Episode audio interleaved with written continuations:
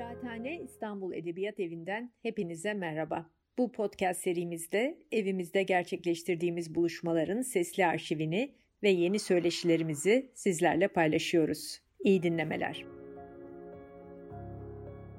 Çok tercih etmem şiir okumayı. Aslında şarkı söylemek isterim.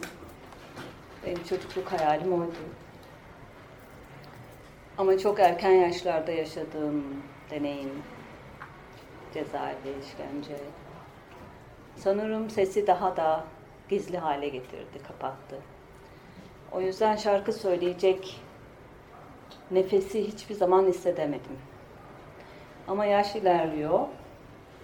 Bu yeni yeni birkaç senedir şiiri daha müzikli hissetmeye ve daha müzikli okumaya bir hevesim var. Bunun bir örneğini yaptım Londra'da. İtalyan bir caz piyanistiyle e, King's Place diye bir yer var Londra'da. Buranın Zorlu Center'ı gibi bir yer. Yeni ama çok e, büyük ve güzel bir salonu var. E, biz Stefano Battaglia müzisyenin adı. Onun Pelagos diye bir albümü var, caz albümü. Akdeniz'de boğulan mültecilerle ilgili. Benim de Kader Denizi kitabım vardı bu konuda yazdığım. Tabii bu konu daha haber değilken 2008'de yazmıştım ben kitabı. E, hatta sergisini de yapmıştık Mehmet Günyeli ile birlikte. Stefano'yla biz, ben onun müziğine çok hayranım. Çok lirik, çok sevdiğim bir tarzı var. Ee, biz şeyde karşılaştık, Senegeh'te, Sardinya'daki festivalde. Ee, ben açılışı yapıyordum, o da kapanışı. Orada karşılaştık ve beni dinlemeye gelmişti. Ve benle bir çalışma yapmak istediğini kendisi söyledi. Benim hayalim oydu ve kendisi gelip söyledi. Böylece neyse biz Londra'da buluştuk. Orada şey sırasında, hazırlık sırasında e, işte o piyano çalacak, ben şiirimi okuyacağım. E, bana şey söyledi, dedi ki ya bu müziğin içinde, e, şiirin içinde müzik var, ben duyuyorum dedi. Sen dedi bunu bir melodiyle söyle, okumak yerine. Ve beni biraz zorladı. Provada bir melodiyle okudum ve o okuma halinin daha çok keyif verdiğini hissettim bana. Normal şiir okumaktan. Ee, ama şunu söyledim, sonra biraz da gerildi ortalık. Ee, yani sahneye böyle çıkamam dedim, çünkü ciddi bir prova lazım buna. 25 yıllık şiir serüvenimi riske edemem dedim. Yani küçücük bir provayla sahneye çıkıp müzikle okumak falan. Neyse ama girişte programın başında bir ağıt okudum. Babaannemin bir ağıdını Kürtçe. Ee, ilk müzik şarkı deneyimim büyük sahnede. Öncesi var tabii ortaokul, lise, üniversite hep korolarda büyük şeylerde söylüyordum. Neyse yani müzik benim için şiir okumaktan çok. Ama bu gece şiir okuyacağız. Ee, ben e, bir seçki yaptım. Bir, yayınlamadığım şiirler var. Ee, bir de diğer birkaç kitabımdan bazı şiirler seçtim. Aralarda konuşabiliriz. Girmek isterseniz, bir soru sorarsanız ya da bir görüş paylaşmak isterseniz. Öyle rahat bir akşam bu. Şiiri hissedeceğimiz bir akşam. Onu kapatabilir miyiz? Çok ses geliyor. Sıcak mı? Ya da üstü açık kalsın aşağıya.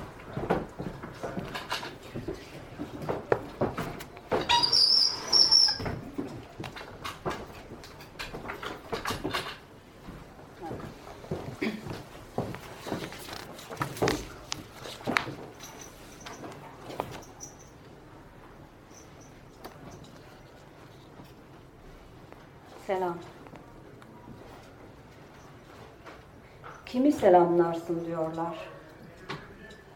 Geceyi selamlarım, uzak gezegenleri, Neptün'ü, Plüto'yu, hüznünü sonsuzluğun, sonsuzluğu selamlarım. Noktayı selamlarım virgülden önce. Sınırdır çünkü, cevaptır varlığa. Aşkla aynı anda, aynı sayıda buluşan ismi selamlarım.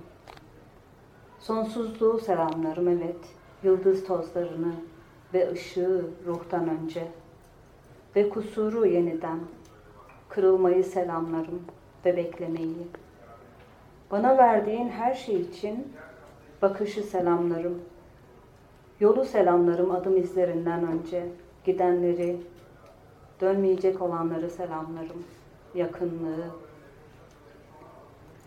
çölü selamlarım kum tanelerini, fısıltıdan önce, yıldız sesini, geceleri gökyüzünden bize akan iyiliği, öteyi, sessizliği selamlarım, kalbin durduğu yerde perdeleri açan, kuzeyi, tundraları, buzulu selamlarım, buzul ışığında parlayan kanatları, etekleri ve nehirleri elbet, nehirleri selamlarım, akış boyunca konuşan bize, Dalgasına kattığı her şeyle kıyıyı selamlarım.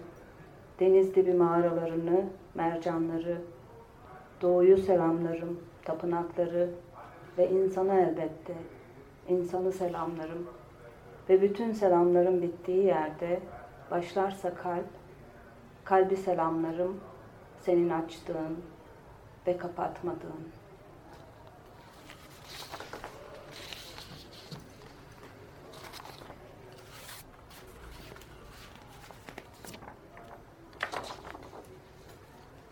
Rüyamda bilincimin sınırında bir kayalık duruyordu. Ucu belirmiş, kıvrımları belli, kokusu, geçmişi, yaban çiçekleriyle bir kayalık. Ama uykuda mı, ışığın alanında mı belli değil. Rüyamda bir kayalık vardı. Ucu belli belirsiz taşmış uykudan. Varlıkla düş arasında, varlıkla ben arasında, varlıkla gece arasında, varlıkla ışık arasında, kök veren bir kayalık. Uzatmış başını kainata, bana bir şey söylüyor. Kök diyor bu, gözleri ve kolları eski bir inanışım.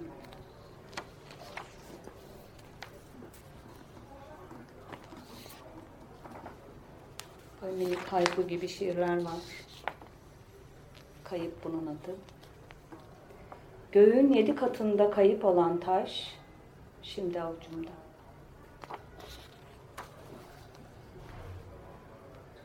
Giz, siyah kanatların gizlediği bahar sevinci, kırlangıçlar.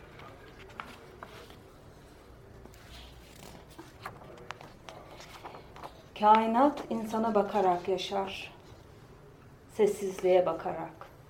Kainat insana bakarak genişler. Bir şeyin bilinci, bir şeyin kanatlarıdır.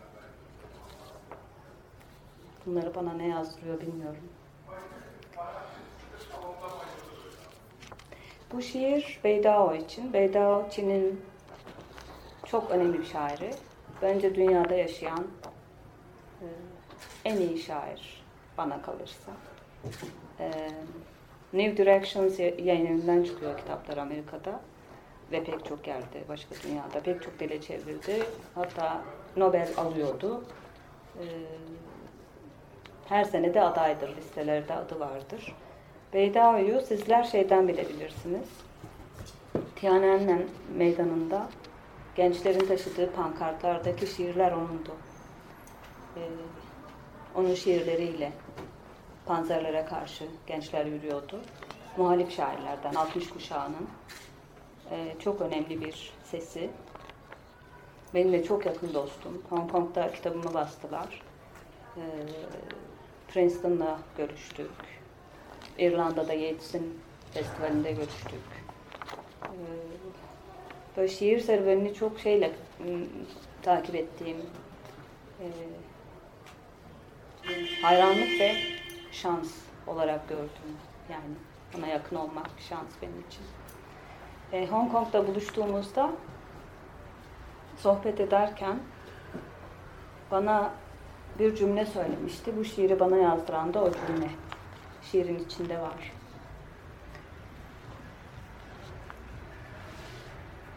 Zamanın gülünden söz ediyoruz. Sürgünün hüznünden. Şimdi giderken heybesinde zamanın tozu ve inanmanın yetmediği anların toplandığı gece. Hatırlamak burcunda o hep bizden önce. Ben bu ülkenin son düşmanıyım diyor. İnce gölgesini bırakarak uzak ülkelere, tamamlanmayan doğumuna gidiyor, eksik doğumuna. Tüm meydanlarında yeryüzünün dalgalanırken kelimeler, bir ülkenin son düşmanı olmak. Ama öyledir hep. Açılmayacak kapıları çalar şairler, hiç açılmayacak kapıları yüzlerine.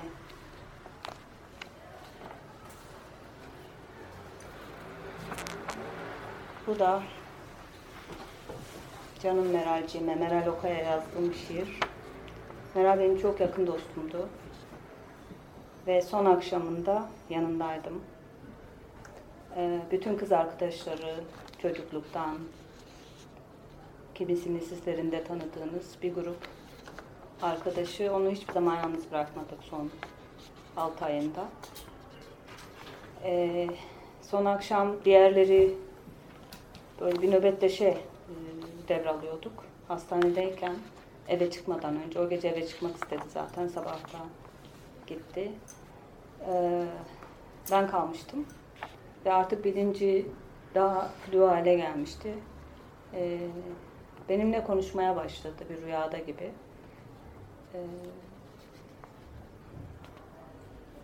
Büyük bir denizin ortasındayım diye başlayan bir konuşma. Ve oradan küçük bir şiir. Meral. Kelimelerimiz iyi ki var. Onları bizden alamayacaklar. Diyor bana. Ona veda ederken yıkılmış bir kaplan gelip çöküyor yanıma. Oydu belki de öyle acı çeken yalnız bir kaplan. Ey Allah'ım, Meral'i giderken yalnız bırakma. O büyük denizde yalnız bırakma.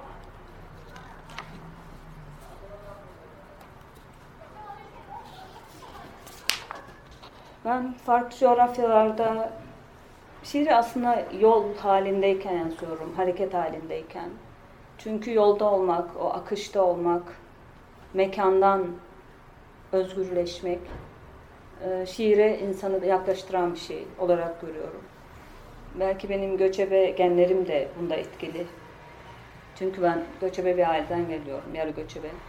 1960'lara kadar dağlarda işte kışın kışlakları var Maraş'ta, yazın ahırda dedikleri torosların, antitoroslar deniyor bir yüksek noktasında yaylaları var, oraya gidiyorlar. Ve e, bir yol ve hareket ve göç sürekli var bir tema olarak. E, dursak bile var. Ben durmayanlardanım.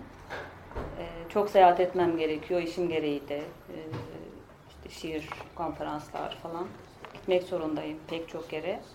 E, bunu ben İslamabad'da yazmıştım, Pakistan'da. Bazen şiire bir anlam katıyorsa not düşüyorum. Aslında pek çok şiirim uzaklarda yazıldı. Ama sırf hani ben buradaydım demek doğru bulmuyorum. Sadece isim olarak belirttiğim yerin şiirde bir izi, bir anlamı varsa ekliyorum ve tarih atıyorum. Ee, bunda o tarih var çünkü orayla ilgiliydi ve sel sırasında gitmiştim, sel felaketi sırasında. Ee, helikopterle uçmuştuk şeyin üzerinden, Indus Vadisi'nin üzerinden. Ee, hurma ağaçları, milyonlarca hurma ağacı. Yukarıdan bakınca incecik birer gölge gibi görünüyorlar ve sel altında bütün vadi. Ee, sonra indik, ee, insanlarla işte karşılaştık ve onların bütün o dramını e, tanıklık ettik. E, dönerken yazdığım küçük bir şiir, Indus. Sana uzaklardan incecik boyunlu çocukların sesini getirdim. Bir kuş sürüsü gibi havalanan kahkahalarını, kopup gelmişler ağaç kökleri gibi akmışlar vadilerden, Şimdi hurma ağaçlarının narin bölgesinde her birinin yurt bildiği akmış sularla. Endus nehir değil, ölümdür.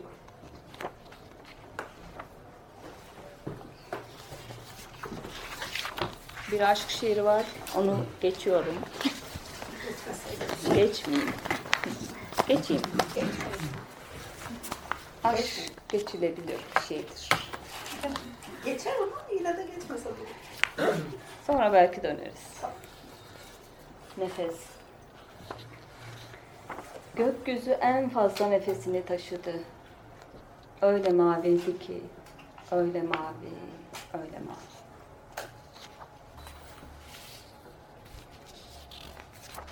Han kapısı.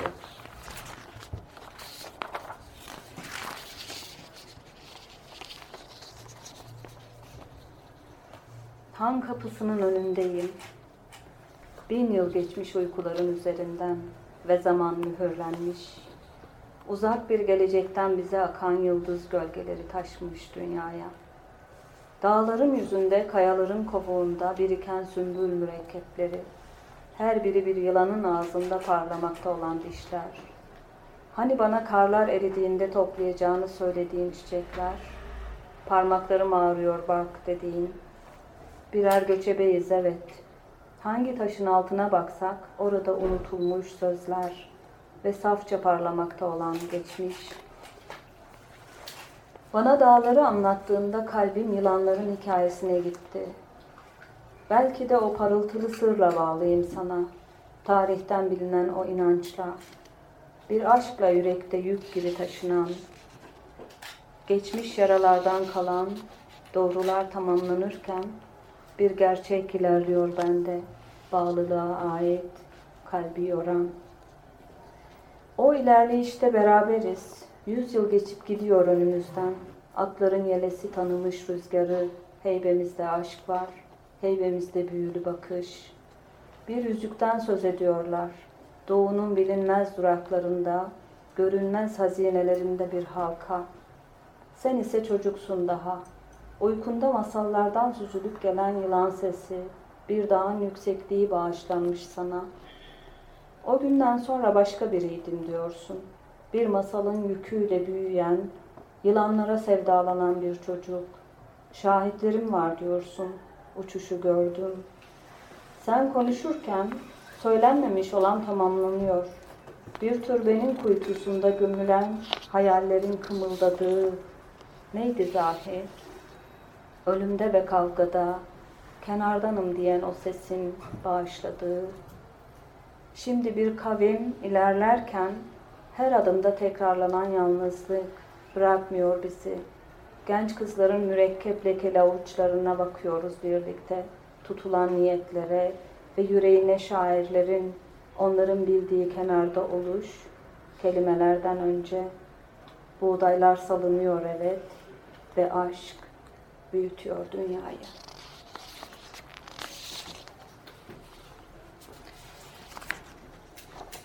Mühürlerin hakkı. Kelimelerin hakkını ödedin mi sevgilim? Harflerin, mühürlerin hakkını, karanlığın hakkını ödedin mi? Dağ başlarındaki yalnızlığın. Çünkü orada inanmaktan daha büyük bir sabırla Tanrı'yı bekliyoruz.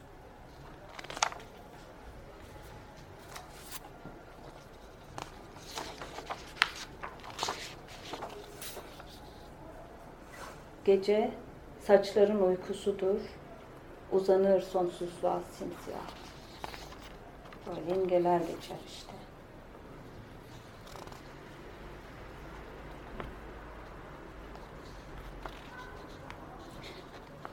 Ve bir ateşin başında göğe yükselen kıvılcımların ve kalbe konan külün gölgesinde konuşuyoruz ilk olanı. Bir yaz bahçesinde büyüyen kalbi, kavak ağaçlarının uğultusunda kaybolan bakışı ve de kimindir o anın içinde öyle bakmakla kainatı genişleten gülümseme kime verilmiştir? Hangi dönmeyecek yüreğe?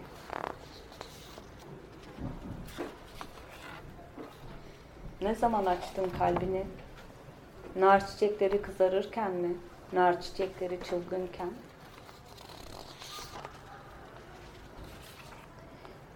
Kimse görmedi bahçeye girdiğini yalnızlığın, beni büyütüp ağlattığını kimse. Zaman geçer, zamanla kalacak acıyla geçip gider.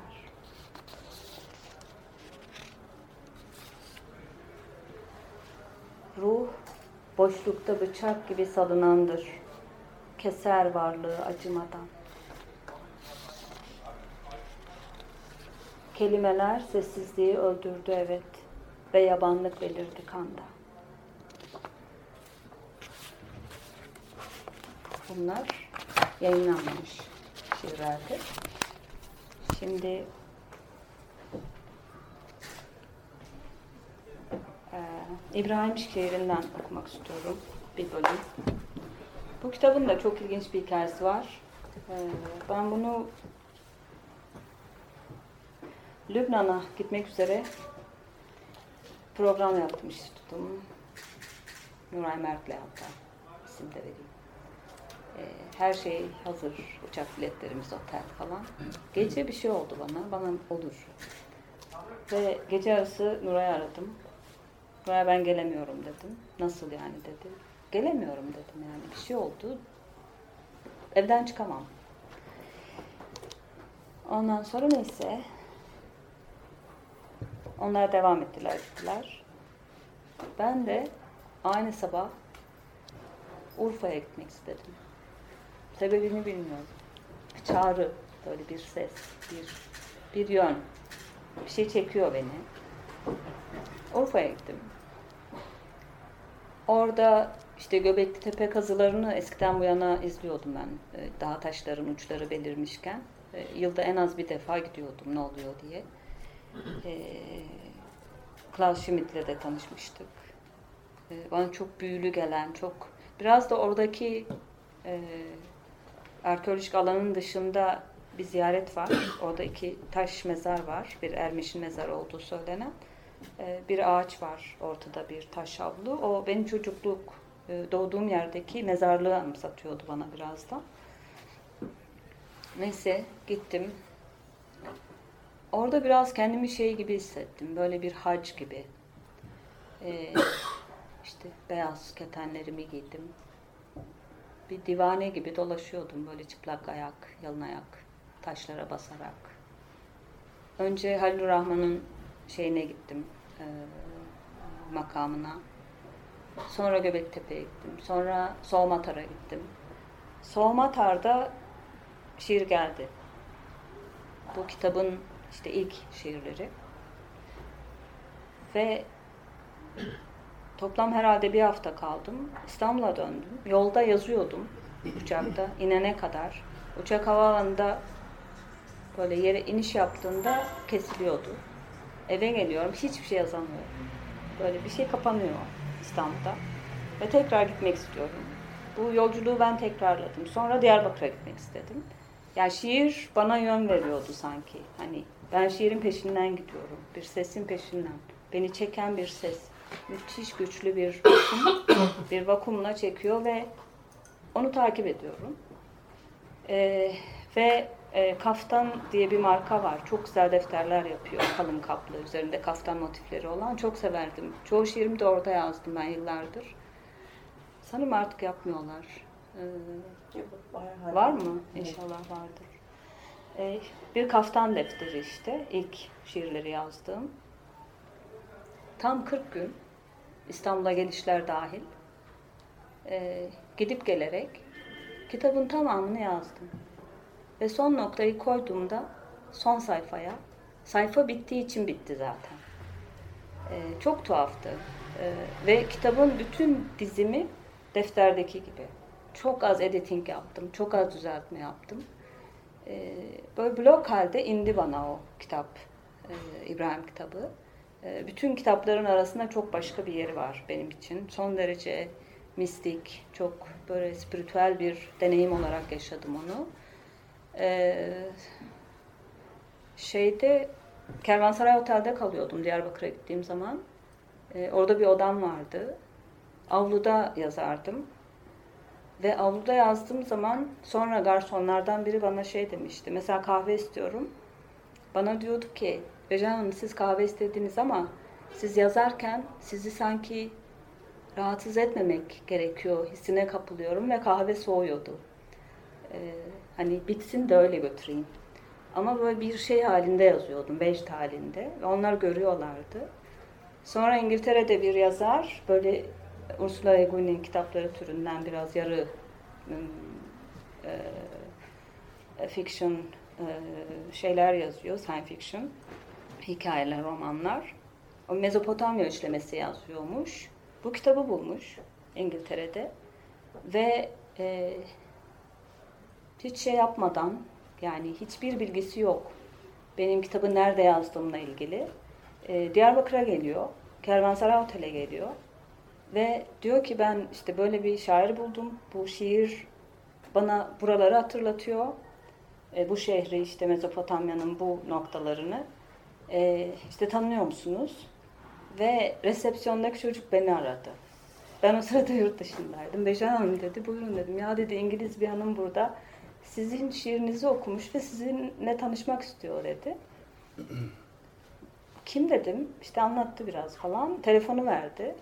Kadın böyle şey, ya o kadar başka bir ruh haliyle gelmiş o da. Böyle yolcular var, böyle karşılaşmalar. Ee, böyle bir şey oldu dedi ve benim romanım dedi sizin şiirinizle başlayacak. İbrahim şiirinden bir bölümle.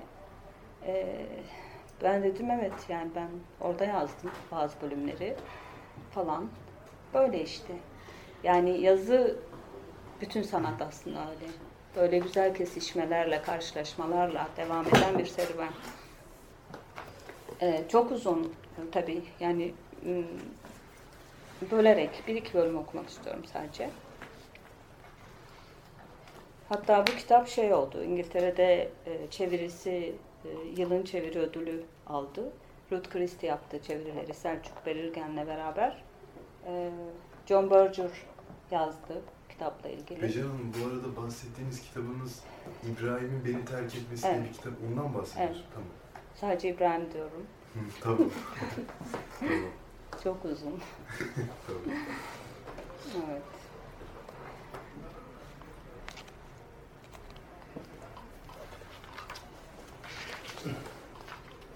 Bu arada bu İngiltere'de basılan kitap. Onun için iki dilli. O yüzden Türkçe kısmından okuyacağım. Her gece kandil dedi biri. Her gece kandil ve hasrete daha çok var. Neyi duymaktayız biz? Dün oturduğumuz avluda siyah olan gül bugün açmış ruhunu ve bir şey göstermektedir. Sular bir şey göstermektedir. Kuşların gülleri geçip kokan nefesi, sesi, senin sesin olmaktadır hala. Buradaki her günahı temizledi senin güllere bakman. Senin isteğin göğün katında tartıldı. Bir melekten söz ederken şehir çok siyah. Budur meleği yükselten belki de dedim. Meleği yükselten ve kanatlarını kelimelere açan şehrin siyah oluşudur.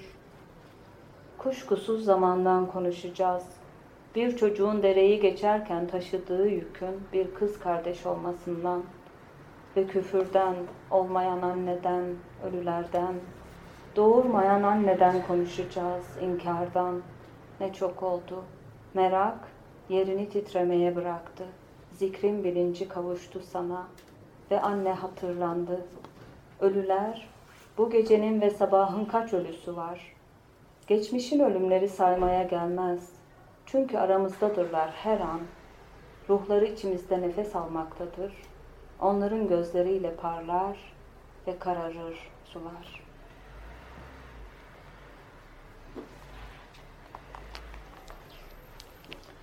Bir oğul önce ölümündür. Yine oldu. Bir uçuşun ağırlığını duydum. Açılmayan ruhun kanatlarını. Gitmek isteseydik çoktan doldururduk yeryüzünü. Ama yapamadık. Bir şey tuttu bizi. Korkudan fazla, şefkate yakın bir şey tuttu bizi. Tozlar havalandı sonra. Adı kutsal olan bir köprüden geçip gitti sular. Kimsenin bilmediği damarlarda birikti aşk ve adı İbrahim kondu. çocukların ve herkesin babası olan İbrahim bir göl kıyısında ağlarken hiç üzgün değildi. Üzgün değildi hiç kurbanını taşırken.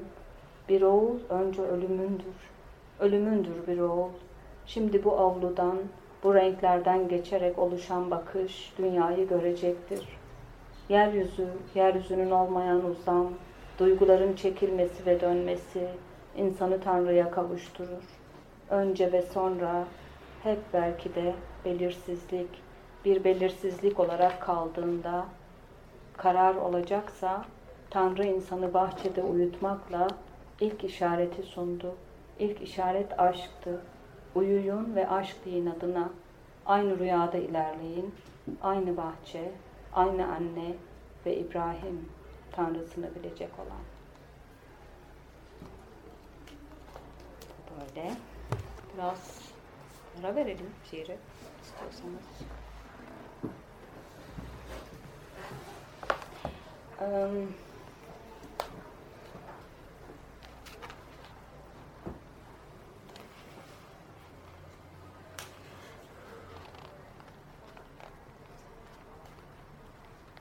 Son Dağ kitabı. Sondan bir önceki kitap. Bundan sonra aşk şiirleri var. Evet. Aşk olmayan. İki rüyada büyümek. Sen uykudan söz ederken iki rüyada büyümüş biri gibi kalbim bölünüyor. Duvara yansıyan ışığın yaptığı kelimeler. O kelimeler uykuda geldiği için belki de hala dönüyorlar etrafımda. Bana dağları anlatıyorlar. İnanmanın kanıyla ayakta duran dağları. Çünkü bir sabahtır sonunda bizi uyandıracak olan, elimizden alınmış dünya ve doğumla bir dağ yolunda ilerlerken sen, bacası tüten bir ev, sulardan geçip gitmekte olan renk, anlatmaz yine de bize konuşanı kimdir? Çünkü tarih açmıştır yaraları bir kez. Öfkenin bağladığı kabuklar incelmiştir çoktan. Artık yalnızca sese sığınıyoruz. Işıklı geceye. Kime gideceğiz? Hangi sözle anlatacağız acıyı? Hangi dilde bağışlanmayı dileyeceğiz? Bize saf bir başlangıç gerekli. Kelimelerin gün doğumunda ruha bağlandığı bir başlangıç. Bize bir yuvanın şefkati gerekli. Kıyısından geçerken bacası tüten bir ev ki affetmenin toprağında sığınılacak bir yurt zannedip susalım, susalım.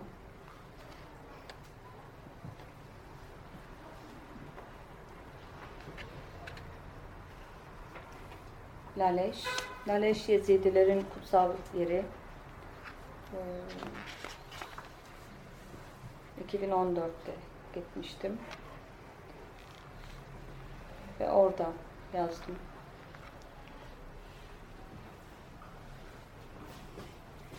Bu güneştir, bu da ev.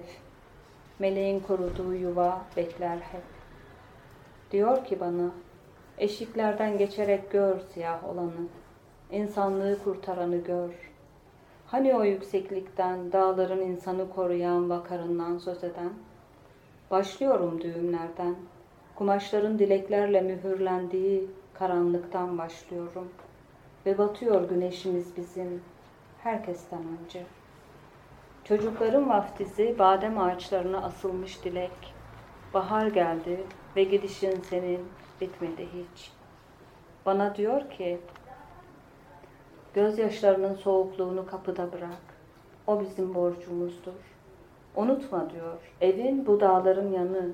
Seni inananların sabahında en önde ağırlayacağız. Kızıl kadifeler içinde, badem ağaçlarına ve taşlara sunarak ve bilerek hangi acı karartmamış yürekleri. Ben gizli bir inanandım ve gizli kaldım. Sırrım çözüldü ve o dağ kovuğunda bulduğum acıdan saadet ve benzerliğim onlara, evet yuvayadır dönüş ve yuva dağların arasında unutulmuş badem ağaçları ve düğümlerdir. Ondan son iki şiir okuyacağım. Biri Kerbela Dolunay'ı. İsveç'te çıkan kitabının arka kapağında bu şiir var. Ve ay unutmak tepelerinden yükseliyor üzerimize. Tarihte ilerleyen adanmışları gösteriyor. Yanılmış bir göğün altında beklerken sebepleri bilen ve susan. Bu şiirde son, kitabın son şiiri Saroyan'a ait. Saroyan'ı anlatmam gerekiyor size. Ee, şiirin başka bir hayatı var aslında. Yani benim hissettiğim, yazdığım bir de yayınladıktan sonra şiirin bir yolculuğu var ve o kadar özel bir yolculuk ki e, çok yakınlarda yine bu şiirle ilgili bir şey oldu. E, öncelikle şeyi anlatayım, Saroyan'ı. Saroyan, William Saroyan, e, Amerika'da e, doğan, Bitlis asıllı Ermeni bir ailenin oldu. E, işte Hemingway'lerin, e, Steinbeck'lerin kuşağından e, çok önemli bir Amerikalı öykücü, e, oyun yazarı aynı zamanda romancı. E, ama işte atalarından sürekli Bitlis'i, Anadolu'yu duymuş ve hep içinde şey bir acı var. Hani bir gün döneyim, e, o taşlara dokunayım. Ve bunu 60'larda Aragüler'i arayarak e, Fikret Otyam'la birlikte üçü bir Anadolu arabaya atlayıp e, İstanbul'dan yola çıkıyorlar. Bitlis'e kadar. O yolculuğun kitabı var. Bitlis'e yolculuk diye Saroyan'ın kendi kaleminden. E, ben onu okurken e, çok sarsıcıydı kitap. Aras yayınlarından bulabilirsiniz. Kitap var e, mevcut. E, e, çok dokundu bana. Yani her hali, hani o özlem, geri dönüş, bir Odysseus hikayesi. O yurdu arayış. Ee, en çok da bir hikaye. Erzurum'da mola veriyorlar. Ee, Saroyan susuyor. Ee, işte içecek bir şey arıyor. Bir çocuk ayran satıyor. Ee, işte ayrandan alıyor. Tam ödeyecek. Ceplerine bakıyor. Para yok üzerinde. Ee, çocuk şey yaparken hani onun ceplerine baktığını görünce abi tamam diyor. Sonra verirsin. Önemli değil diyor. Sonra verirsin. Saroyan soruyor yanındakilere. Ne, de, ne dedi diyor. Onlar da tercüme ediyorlar. Diyorlar ki işte sonra verirsin dedi diyor. Saroyan böyle yıkılıp ağlamaya başlıyor.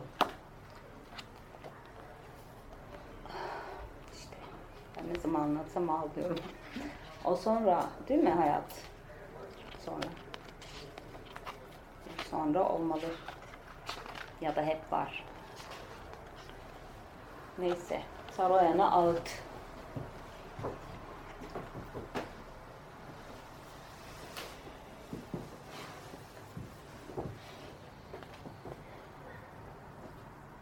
Bitlis'in dağları kar içinde.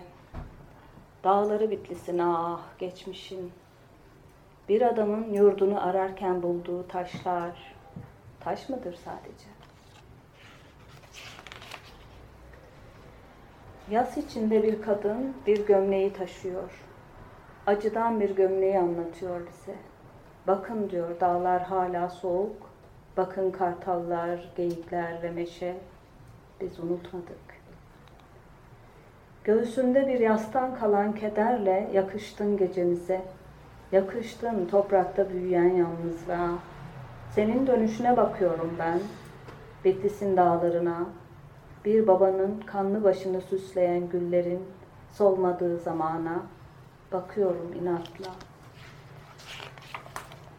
Ve biliyorum aynı kelimeler aynı yerden söylense de aynı dağları, aynı vadileri anlatmaz ve nehri özlemenin aynı uzaklığa ulaşmaz. Şimdi bir müziğin her şeyi yenilediği bu sabah bir adamın bir taşın karşısında oturmasıdır geçmiş. Harfleri okunmayan, kırık bütün kalpler gibi acı içinde bir taş. Ceplerine taş dolduran adamı hatırladın mı? Bir yurt arayan üzgün adamı. Onun yaslandığı duvar, onun baktığı rüzgar, taş toplamaktadır hala bellekte, bellekte taş sökmektedir. Çünkü ölümden daha büyük bir yol var önümüzde. Artık karları bağışlıyorum. Kışta tükenen soluğu, gidişi, artık her şeyi bağışlıyorum. Bu yaz, yazın başında Anahit Paturyan diye yine Kaliforniyalı bir Ermeni sanat e, uzmanı Venedik'te Bienal sırasında bir İngiliz sanatçının bir kilisede, şapelde yaptığı bir işle ilgili işte çalışmasını yaparken e, onun çalışma, e, yaptığı sergiyi görmek istiyor. E, beni aradı ve şöyle söyledi. Dedi ki işte buldu beni bir biçimde. Bir mail attı konuşabilir miyiz? Telefon istedi falan. Ve dedi ki bu hikayeyi sana anlatmam gerekiyor mutlaka. E, Venedik'te ilk günü sabah geliyor, çantasını otele bırakıyor, direkt Biennale gidiyor. Biennale'de de böyle asıl şey pavyonlar değil, bu yandaki şapelin olduğu işe bir şey götürdü beni diyor. Gittim ve diyor bir işte kitaplık yapmış. Sürgünle ilgili bir çalışma. Ünlü bir İngiliz sanatçı, şimdi adını hatırlamıyorum. Ee, bir kütüphane yapmış. Ee, sürgün duygusu, işte sürgün, motifli şiirler, edebiyat falan. Elimi uzattım diyor, bir kitap seçtim, senin kitabındı diyor. Ve açmış Saroyan şiiri. İlk okuduğu şiir Saroyan şiiri. Ee, ben diyor öylece kala kaldım. Şiiri okudum. Saroyan'ın doğduğu yerden bu kız. Ee, Fresno'dan. Yani çok tuhaftı diyor. Ondan sonra dedim ki ben bulacağım şairi e, ve yazacağım. Ee, Los Angeles'ta çıkan bir dergide e, şu anda hazırlık yapıyor. Çıkacak yazı. Önümüzdeki aylarda çıkar. Ee, bu hikayeyi ve şiiri ve ben yaptığı konuşmayı yazacak. Öyle. Bir taş atıyorsun suya. Halkalar büyüyor. Şiirin yolculuğu çok şey bir yolculuk. Evet ben şiiri burada keseyim. Varsa sorularınız. Bir de süremiz nedir ben bilmiyorum Ayşe. Yukarıda e, başka bir toplantı var. O yüzden biraz e, kendimiz yönetiyoruz. Biraz Ayşe. daha var vaktimiz. Ne kadar var? 10 dakika var. Tamam. O zaman yani sorunuz varsa buyurun. Ben bir şey sorabilir miyim? Şiirleriniz birçok dile çevrildi. Kürtçe'ye de çevrildi bildiğim kadarıyla. Kürtçe şiiriniz oldu mu hiç? Kürtçe yazdınız mı? Kürtçe yazdım tabii. Yani e, kitap hazırlığım var. E, onu böyle hissettiğim zaman yayınlayacağım biraz. İkinci bir soru daha sorabilir miyim? Şiirlerinizi okuduğumda e, yani söylemden çok anlamaya yönelik, anlatmaya yönelik bir tarz hissediyorum ve çok yoğun bir acı var. Hissettiğim, benim hissettiğim. Ne anlatmak istiyorsunuz şiirde? Derdiniz ne? Onu sormak istiyorum. Ee, bu kitapta bunun cevabı olan bir şiir var. Onu bulabilirsem. Tabii ben şiirlerimi hatırlayamam bu arada. Hangi sayfada ne, başlığı ne, hiçbir şey hatırlayamam. Sadece tema hatırlarım. Ee, bu dağ başında bulduğumuz hüzün bizim değil geçmişin diye biten bir şiir. Geçmişin hüznü, geçmişin acısı. Ee, şiir Şiir bizim unuttuğumuz dilin kutsallığına dair bir araç. Dilin kutsallığını bize hatırlatan. O yüzden işte kelam der kimisi. Ee, sözün büyüsünü bize hatırlatan. Hakikatle ilişkisi e, benzersiz olan, e, değişmez olan bir ifade ediş.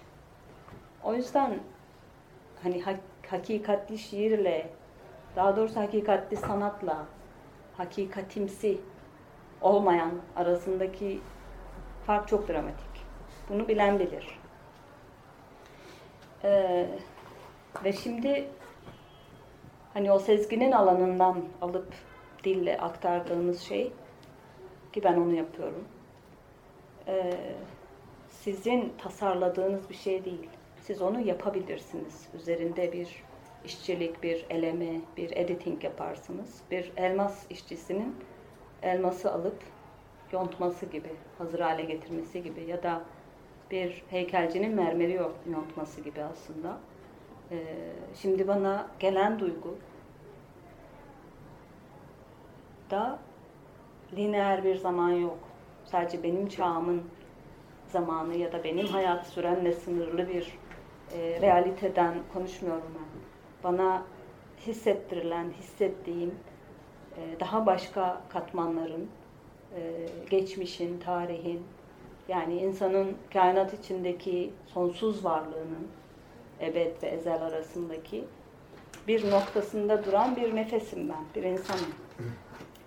Ve hissettiğim acı tabii ki kendi hayat hikayemde işte kırılmalarım, yaşadığım travmalar, kendi kavmimin acısı. Ben sonuçta kenardan bir kimlikten geliyorum. Kürt ve Alevi, belki Ermeni, işte Mezopotamyalıyız. Orası acının toprağı bitmiyor. Bitmeyen, devam eden kavimlerin acıları, göçleri. Bütün onlar coğrafyanın hafızasında kayıtlı. Yani coğrafya kaderdir kelimesi e, altı dolu kolaylıkla doldurulabilecek e, bir durum bizim hayatımızda. O yüzden şeyden örnek vereyim. Benim İsveç'teki yayıncım e, ve editörüm şey yazmıştı ve Jean Cassandra gibi gelecek felaketleri hisseden, bunları önleyemediği için bunun acısını duyan bir ses gibi yazıyor şiirini diye. E, şiirin böyle bir gücü var. E, ve ben onu yazarken hani oturup ha burada bir acı anlatayım demiyorum. Benim kalbime değen, sahici olan, gerçekten canımı yakmış, gerçekten hani insanlığın büyük, büyük hikayesinde e, o uyuma, o e, nasıl söyleyeyim, varoluşa e, uymayan, onu kıran, üzen anlar e, bana şiir yazdırıyor. Ama bunu yaparken depresif bir ruh haliyle asla yazmıyorum. Çünkü ben depresyondan şiir çıkacağına inanmam. Şiir sonuçta büyük bir şükür duygusuyla var olan bir şey. Bence bütün sanat öyle. İnsanın hayatı olumlaması, varoluşu, hüşu içinde hissetmesi, bir, derin bir varoluş, güçlü bir varoluş duygusuyla hayata bakmasıyla e, ancak güçlü bir sanat yapabilir. E, müzikte de böyle, resimde de böyle, şiirde de böyle. Ben o yüzden şefkati e, kavram olarak hani dinlerin kullandığı anlamda kullanmıyorum. Çok önemli. Yani e, şükran duymak ve şefkatli bakmak bir meseleye.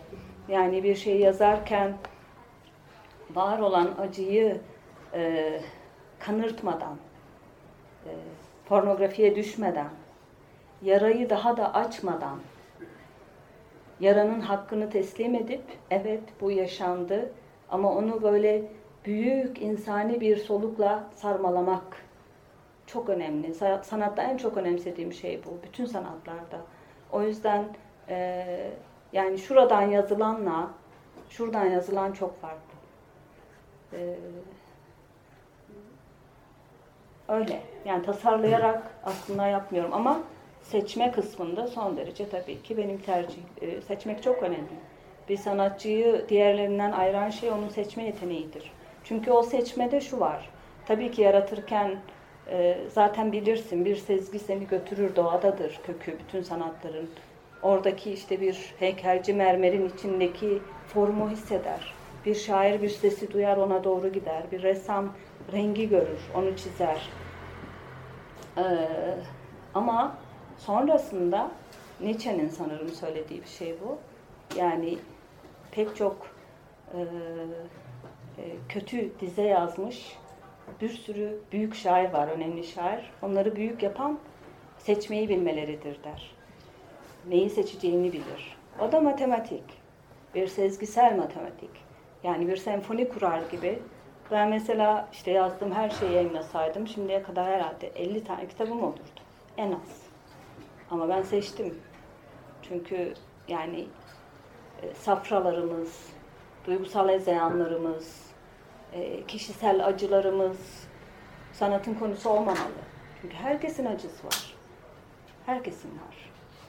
E, yani sen yaptığın şeyle okurunda, izleyicinde bir aşkınlık hissi e, yaratabiliyor musun? Onun duygularını bir üst aşamaya taşıyıp o gizi hissettirebiliyor musun? Aa bu da böyle söylenebilirmiş. Ya ben bunu hissettim ama ne güzel ifade etmiş dedirtebiliyor musun? Sanat odur. Teşekkür ederim. Ben teşekkür ederim. Buyurun. Ben de iki soru sorayım da. Birincisi, yani şu anda piyasada üç kitabımız var. Diğerlerinin baskılarına ulaşamıyoruz. O konuda bir gelişme var. İkincisi sizi şiire yönelten dönüm noktası diyebileceğiniz bir olay var mı? Ee, ilk soru teknik. Ben şey değilim, böyle bir hani e, Van Gogh'a benziyorum bu konularda. Bana bir Teo lazım beni toparlayacak. Şiir yazarım, bırakırım kenarlara. Böyle yani PR işleriyle hiç uğraşamam. Ee, Sosyal medyada iyi değilim. Ee, yani ben şiirle ilgiliyim. Şiirin sunumuyla ilgili değilim. O yüzden hani bir ajansım yok. Yayın eviyle telefonlar edip şunu oldu, bunu oldu hiç yazar bırakırım. Kuyuya taş atmak gibi. Ee, o yüzden bir süredir işte Everest'e geçtim ben. Everest yayınlarındayım. Ee, kapak bekliyorlardı. Sonra bir aksilikler oldu. Onların yaptığı şeyi ben beğenmedim. Ee, daha güzel bir şey olsun istedim. Şimdi başka bir sanatçı var çok sevdiğim. Ee, o yapmak istiyor. Onu bekliyoruz. O e, hazırladığında beş kitap basılacak. E, sahaflarda artık insanlar dolaşıyor. O da başka bir hikaye. Şey gibi sanki ben e, hayatta değilmişim. Eski bir çağın şairi gibi. E, telaşsızım yani. Sorun yok orada. İkincisi e, şiir. Ben çok erken okumaya başladım. Yani e, ilkokuldan itibaren e, hep kitap okuyan bir çocuktum ve şiir de okurdum. E, benim babam şey bir adamdır. Böyle çiftçi, pamuk yetiştiriyor. işte toprakları var. Ama şeydir. Böyle okumayı çok sever. Gazete okur. Her gün gazete okur. Cumhuriyet okur. Ee, kitap da okur. Böyle evimizde sürekli bir kitaplık vardı ablalarım falan da. Ee, işte e, ama ben hepsinden daha fazla biraz evin en küçük kız çocuğu olduğum için biraz da babamın ilgisi ve desteğiyle e, böyle kitap okuyan bir çocuk olarak konumlandım evde. Hani balkonda bir masam var, Toros Dağları'na bakan. Sürekli roman okuyorum. Babamın da böyle sağ omuz üzerinden hissederdim bana baktığını ve gurur duyduğunu. Çünkü arada izlerdim de ben kalktığım zaman gider kitabımı karıştırırdı. Böyle bakardım, bakıyor, şiir, e, gurur duyarak kızı kitap okuyor. Annem oradan bağırıyor, gel bize yardım et. Babam da hep şey derdi, Bejan'a dokunmayın, o kitap okuyor. Böyle bir korumam vardı. Şanslıydım o açıdan. Sonra bir aşamada, bunu ben şeyde e, bir konferansta, kadın yazısıyla ilgili bir konferansta bunu anlattım çok. Aslında yayınlayacağım da, ilginç bir makale oldu, bir deneme oldu daha doğrusu. Ee, kadın yazarları, hani işte Emily Bronte'den Emily Dickinson'a, işte bildiğimiz önemli Anna Ahmatova'ya, e, önemli kadın yazar ve şairlerin hikayelerine baktım. E, ve kendi hikayemle kıyasladım. E, bir aşamada annem artık şeydi, e, rahatsızdı durumdan. Hani evde ama ev işi yapmayan bir kız çocuk.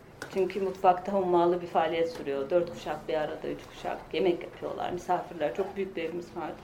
Çok misafir olan hala da öyledir. Kapısı sürekli açık olan şey gibi ev. Yani neyse.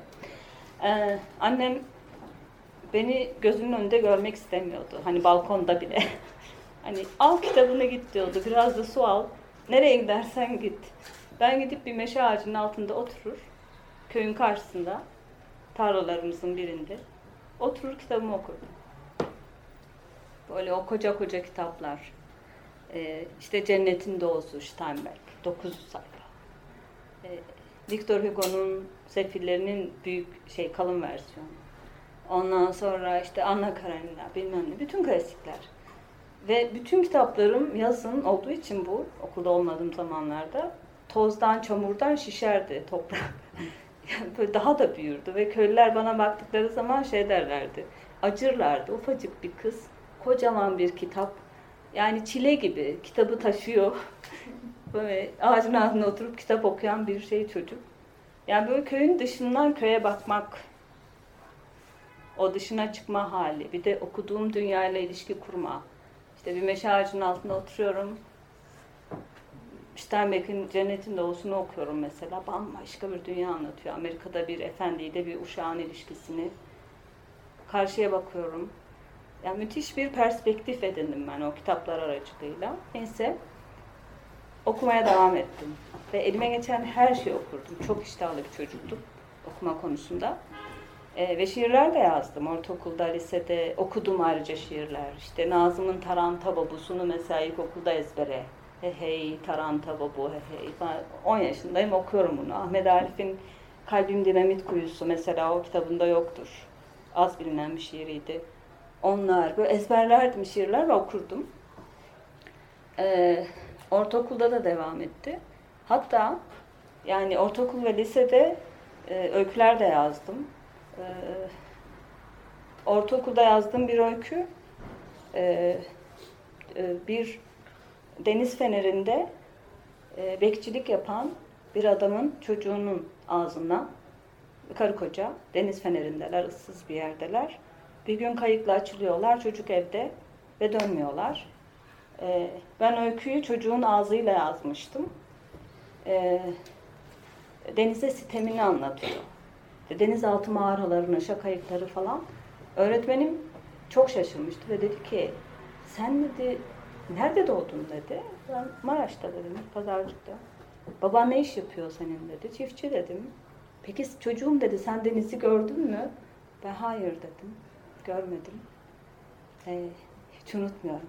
Kollarımdan tuttu böyle kaldırdı dedi ki sen nesin dedi. Nasıl olabiliyor bu dedi.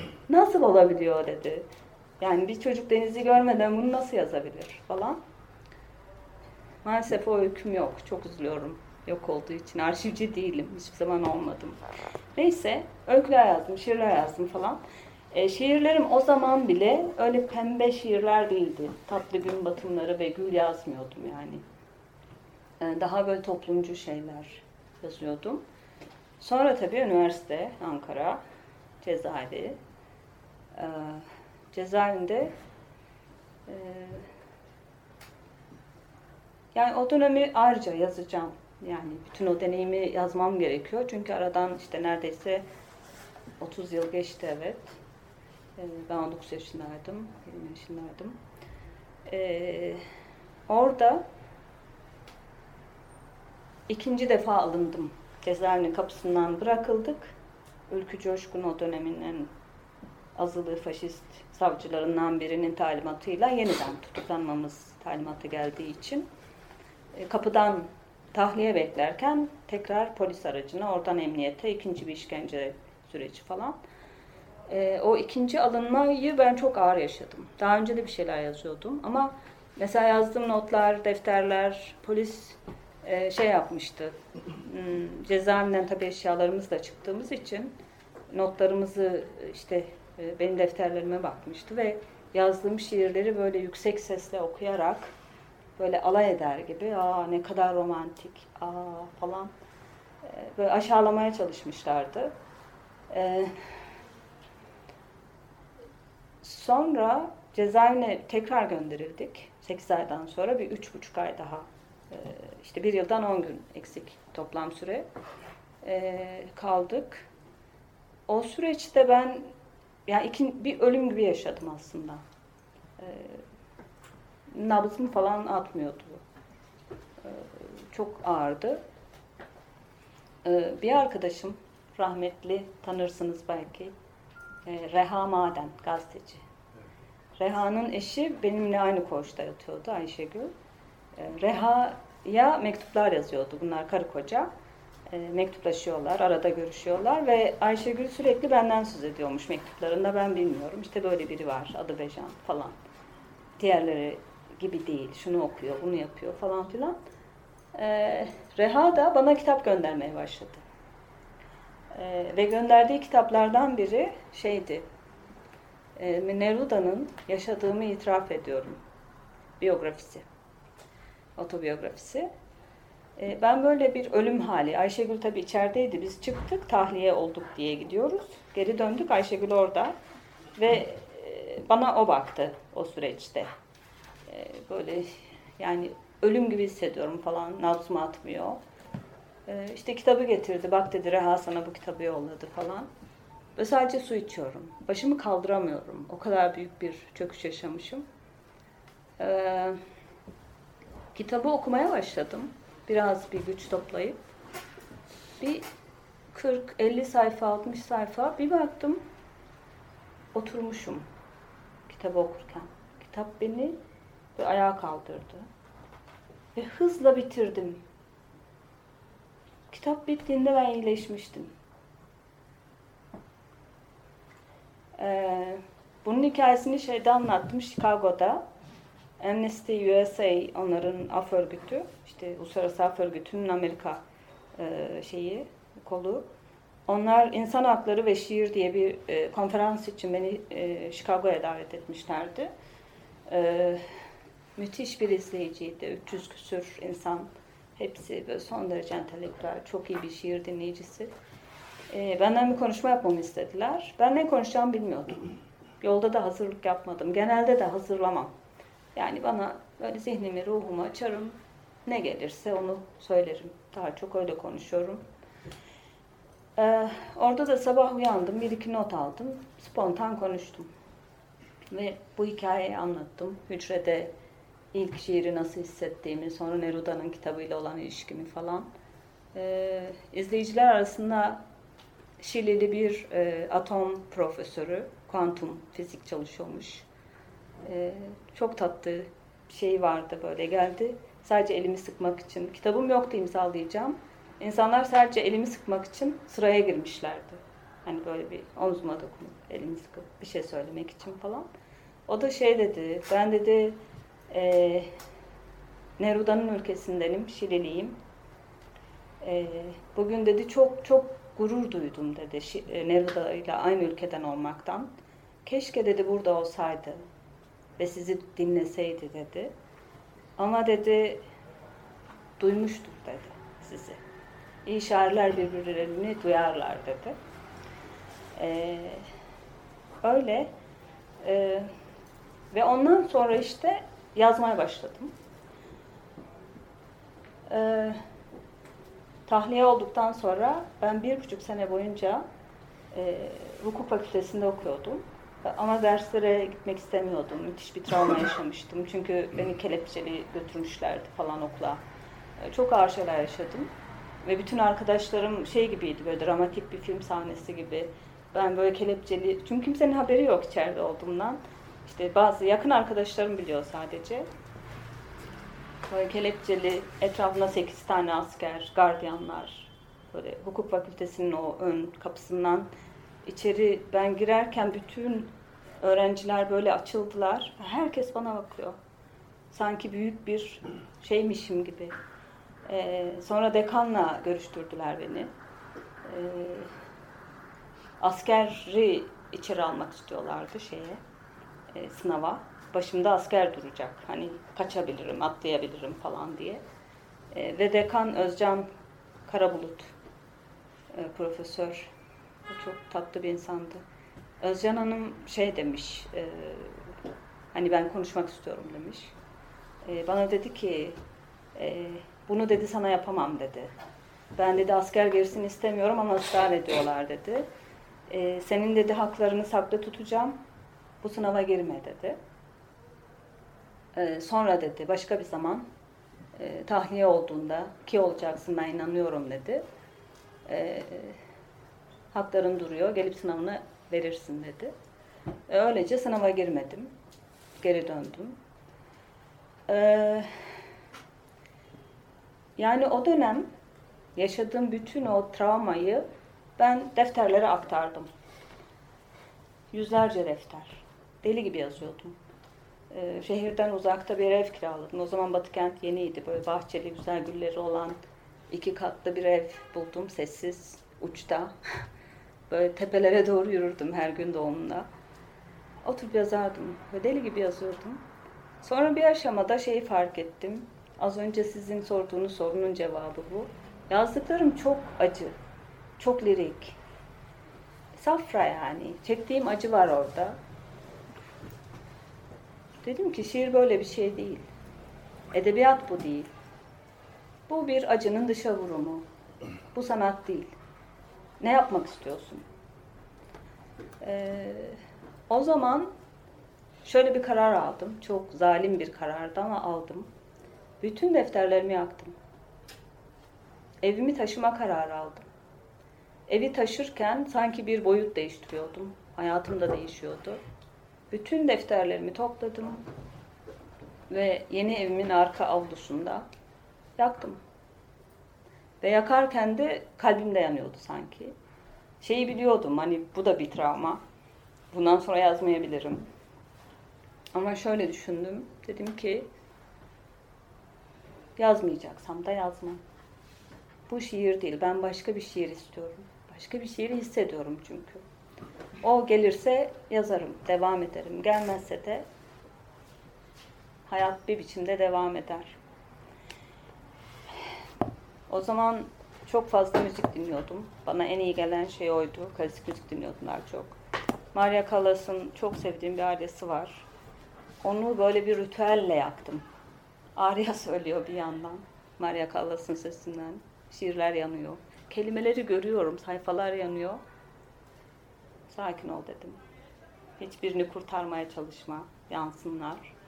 Buradan doğarsın yeniden. Ama bir 6-7 ay tek kelime yazamadım. Böyle bir kuruma hissettim. Tüm bedenim kurumuştu sanki ruhum. Sonra sırt çantamı alıp antik kentleri dolaşmaya başladım. Termesos'a gittim, Priyene'ye gittim. Ee, Efes'e işte Anadolu'da bildiğiniz bütün antik Kanlı Divane'ye, Klikya oralarda Hattuşaş Çorum'daki. Çünkü şeyi hissediyordum yani o taşlar bir şey söyleyecek bana. Orada bir ses var, bir dil var. Ben onun kodlarını çözüp aktarabilirim gibi hissediyordum. Ee, öyle bir 7-8 ay sonra şu an yazdığım şiirin dilini buldum. İlk şiirim şeydi, Gözyaşı Şişeleri diye Hattuşaş'ta yazdığım Çorum'da. Ee, bu ağıtçı kadınların işte büyük krallar öldüğünde ağıtçı kadınlar var parayla getirilen sarayın görevlileri. E, o şişeleri dolduruyorlar gözyaşıyla. Ee, başlığı o olan bir şiir yazmıştım. Ağıt kadınlar. O tema devam ediyor zaten. Öyle. Dönüm noktası bu. Çok uzun ama bu. Ee, keselim mi artık? Burada. Teşekkür ederiz.